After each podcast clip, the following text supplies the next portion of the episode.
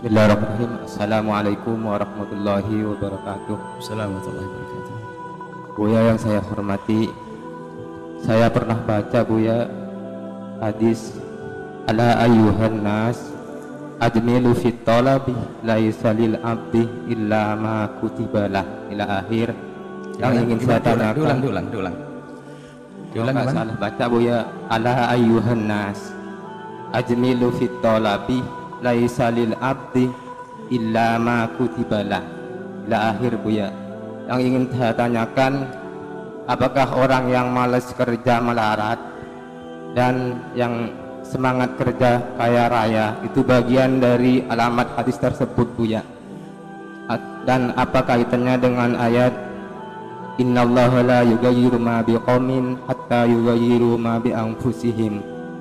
Syukran. Wassalamualaikum warahmatullahi wabarakatuh. Assalamualaikum. Yang pertama adalah tentang eh, jaminan rizki. Rizki itu sudah dicatat oleh Allah Subhanahu wa taala. Dabat fil ardi ila Allahi rizquha dan semuanya ada jatahnya dan setiap hamba tidak akan mati kecuali sudah mengambil jatahnya. Kerja kerasmu tidak akan menjadikan dirimu kaya. Kalau kerja keras pasti menjadikan seseorang itu kaya. Ya, lihat kita menemukan di lapangan bahasanya orang kerja keras jungkir balik tetap nyungsep juga ada. Utangnya tetap banyak ada tetap melarat juga ada. Berarti menunjukkan bahasanya kerja keras tidak menjadikan orang itu kaya. Tapi kita diperintahkan ajmilu fit tolab ini dalam hadis qudsi perintah Allah min, ngamin carilah rizkimu dengan ijmal itu adalah jangan memaksakan jangan sampai berlebih-lebihan. Sebab tidak akan sampai kepadamu kecuali yang sudah ditentukan untukmu. Kepala kau jadikan kaki kau jadikan kepala jatahmu tetap seperti itu. Tapi diajarkan oleh Nabi untuk berusaha. Sehingga ijmal fi tolab ini maknanya apa? Jangan sampai di saat kau mencari rezeki melanggar aturannya. Ada rambu-rambunya. Waktu sholat sholat kadang-kadang setan menggiring orang belanja itu menjelang waktu maghrib tuh ibu yang jualan belum sholat asar itu sayang mau ninggalin tuh set ya melanggar Allah nggak bakal jadi rezeki yang sesungguhnya. Jadi apa pun yang kita kerjakan tidak akan merubah hakikat apa yang apa kekayaan atau melaratnya seseorang. Sebab apa yang di mata Allah di hadapan Allah subhanahu wa ta'ala jadi apa pun yang kita lakukan dari doa kita tidak akan merubah secara hakikatnya dan juga usaha kita tidak akan merubah secara hakikatnya.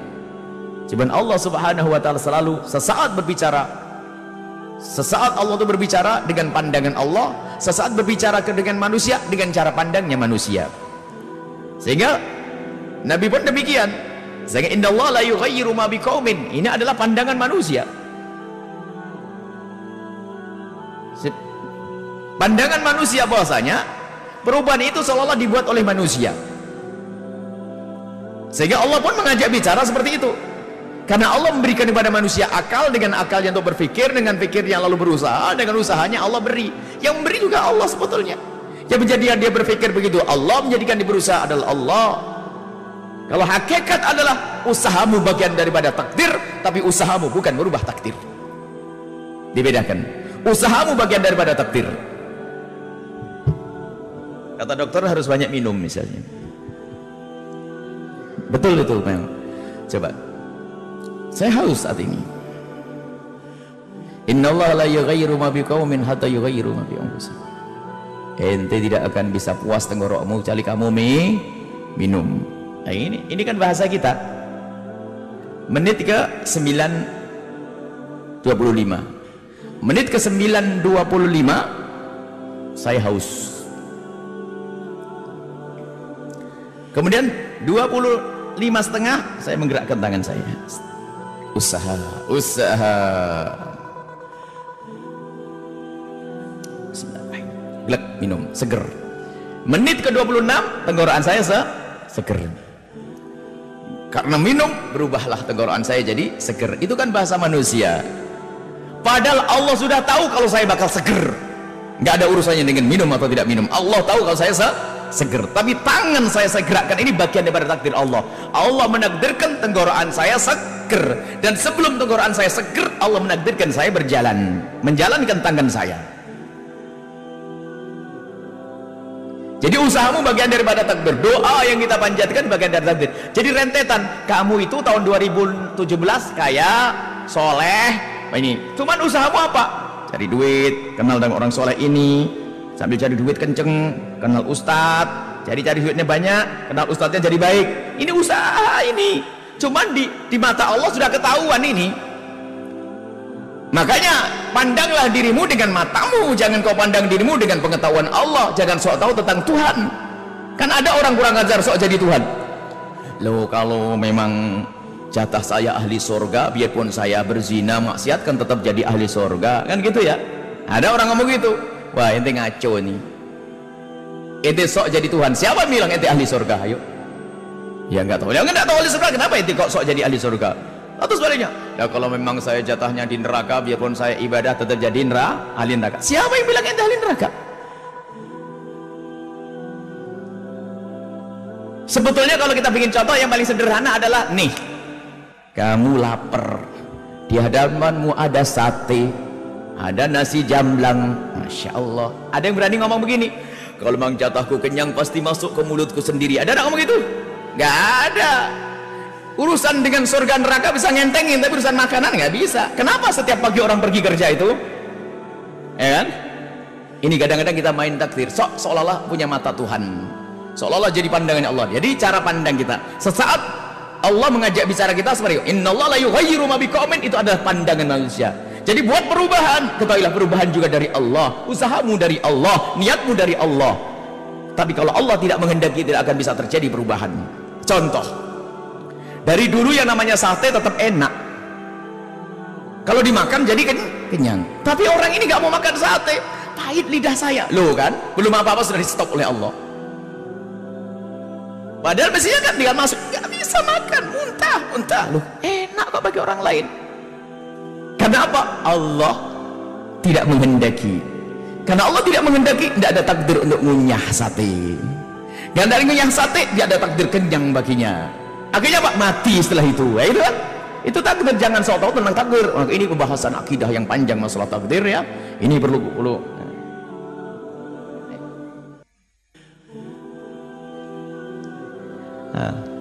Hah? Jadi seperti itu. Jadi rizkimu sudah dijatah oleh Allah. Tapi tidak boleh orang mengatakan ya sudah. Tapi insya Allah masalah ini gak ada sih. Yang justru yang paling bahaya itu urusan amal baik dan urusan surga neraka. Kalau urusan cari duit sudahlah, gak usah dioperak-operak keluar bagi-bagi itu sudah. Eh pagi jam 4 sudah bangun. Eh, ini, ini paling sedikit sekali yang ngomong ya Allah kalau memang rezekinya jatah saya mesti nyampe ada enggak kira-kira enggak ada duit 100 juta taruh depan pinggir jalan. Kalau memang jatuh milik satu milik saya enggak bakal ada yang ngambil. Ada yang berani gitu? Enggak ada. Sebetulnya permasalahan kita adalah di saat cara pandang kita. Urusan akidah insaf. Allah. Jadi semua Allah. Jadi yang namanya doa tidak akan berubah takdir pada hakikatnya. Cuma dalam rentetan bahasa manusia doa itu merubah. Sehingga dikatakan tidak akan berubah takdir kecuali doa menurut bahasa manusia tapi menurut Allah doamu adalah bagian daripada takdir. Sebab rentetan hidup kita sampai mati sampai di surga sudah diketahui oleh Allah. Kamu tahun ini begini menikah punya anak punya mantu punya cucu rizkimu banyak sehat mati. Sudah jelas di hadapan Allah. Tapi kita tidak tahu. Kalau orang tuh tahu bakal mati nggak akan ke rumah sakit. Mau mati ngapain rumah sakit? Ngabisin duit kan? Kan bakal mah karena dia berharap hidup maka pergi ke rumah sakit. Nggak tahu. Eh mati juga ke rumah sakit ya kan? Ada jadi ini jadi ketahuilah bahwasanya rizki yang hendaknya kita cari adalah kata Allah dalam hadis diskusi ajmil. Wajar jangan sampai mencari rizki sampai kita melanggar Allah subhanahu wa ta'ala. Sekeras apa pun usahamu tidak akan engkau melampaui batas jatahmu. Tidak akan. Dan jatahmu sudah ada. Jadi kita gambarkan rezeki itu di dalam otak dalam satu wadah itu rezekimu dan harus sampai kepadamu dan dirimu dikasih mata oleh Allah untuk mengambil. Dan situ ada banyak pintu. Pintu. Ada banyak pintu. Dan pintu pintu paling dekat pintu paling jauh pintu agak ini pintu ini. Ada pintu paling dekat nih. Cuman tulisannya haram. Caranya gimana? Pintu namanya nyuri. Ada. Pintunya ada semuanya yang jelas duit itu harus nyampe kepadamu. Makanya kalau kita mengambil melalui pintu ini makanya jadi barang haram. Tapi nyampe atau tidak? Nyampe. Ada pencuri kaya kok.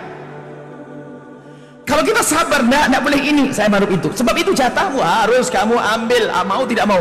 Cari uh, kerja uh, nyampe halal berkah. Sebab kalau sudah jatahmu tidak akan ada yang mengambil. Tidak usah khawatir. Jatahnya jatahnya cicak. Jatah cicak. Jatahnya unik kalau sudah jatah. Makanya keyakinan boleh dibangun. Yang jadi masalah adalah orang tidak punya keyakinan. Kalau tidak punya keyakinan repot. Baik ini adalah tentang penjelasan daripada uh, apa tadi? Uh, hadis Nabi SAW dan juga Al-Quran Allah la yughayyiru ma biqaumin ketahuilah Allah tidak akan merubah pada dirimu kecuali engkau berusaha. Itu adalah bahasa manusia. Untuk indah dalam rumah tangga harus berusaha istri baik, suami baik, ini terus berusaha saling mengerti dan sebagainya. Biarpun ada orang sama-sama baik dibisa oleh Allah, Zaid bin Harithah dengan Sayyidah Zainab. Padahal usahanya sudah maksimal, menjaga dekat kepada Allah. Ada ada orang berusaha dengan maksimal, masih saja gagal ada. Tapi usaha harus Allah berikan kepada kita akal, maka berjalanlah engkau sesuai dengan akal yang dipandu oleh syariat. Kalau sudah akalmu tidak dipakai, kamu bukan golongan orang sehat. Sakit. Kalau saya sakit perlu diobati dulu. Ini, makanya kalau orang menantang menantang titah perintah menantang sunnatullah ini semakin gila. Alasannya percaya kepada takdir Allah. Kalau sudah jatah saya, ya sudah bakal nyampe ya. Sakit. Kalau memang jatah saya kenyang, nggak usah saya gerakan mulut saya bakal kenyang ya. Sama kalau orang misalnya dikasih hadiah, saya mendapatkan hadiah 10 juta di Tegal ambil besok jam 9 pagi ambil duit di Tegal. Anda orang cerdas atau orang tidak cerdas? Saya mau tanya ya. Kalau anda berakal kemudian anda butuh duit 10 juta utangmu banyak tanggungan banyak ada hadiah 10 juta ngambilnya di Tegal. Anda orang sehat orang berakal. Kira-kira kalau diberi kesempatan naik mobil dipinjam mobil ambil naik mobil. Pergi ke mana? Ke arah kanan atau kiri? Tegal kanan Jakarta kiri?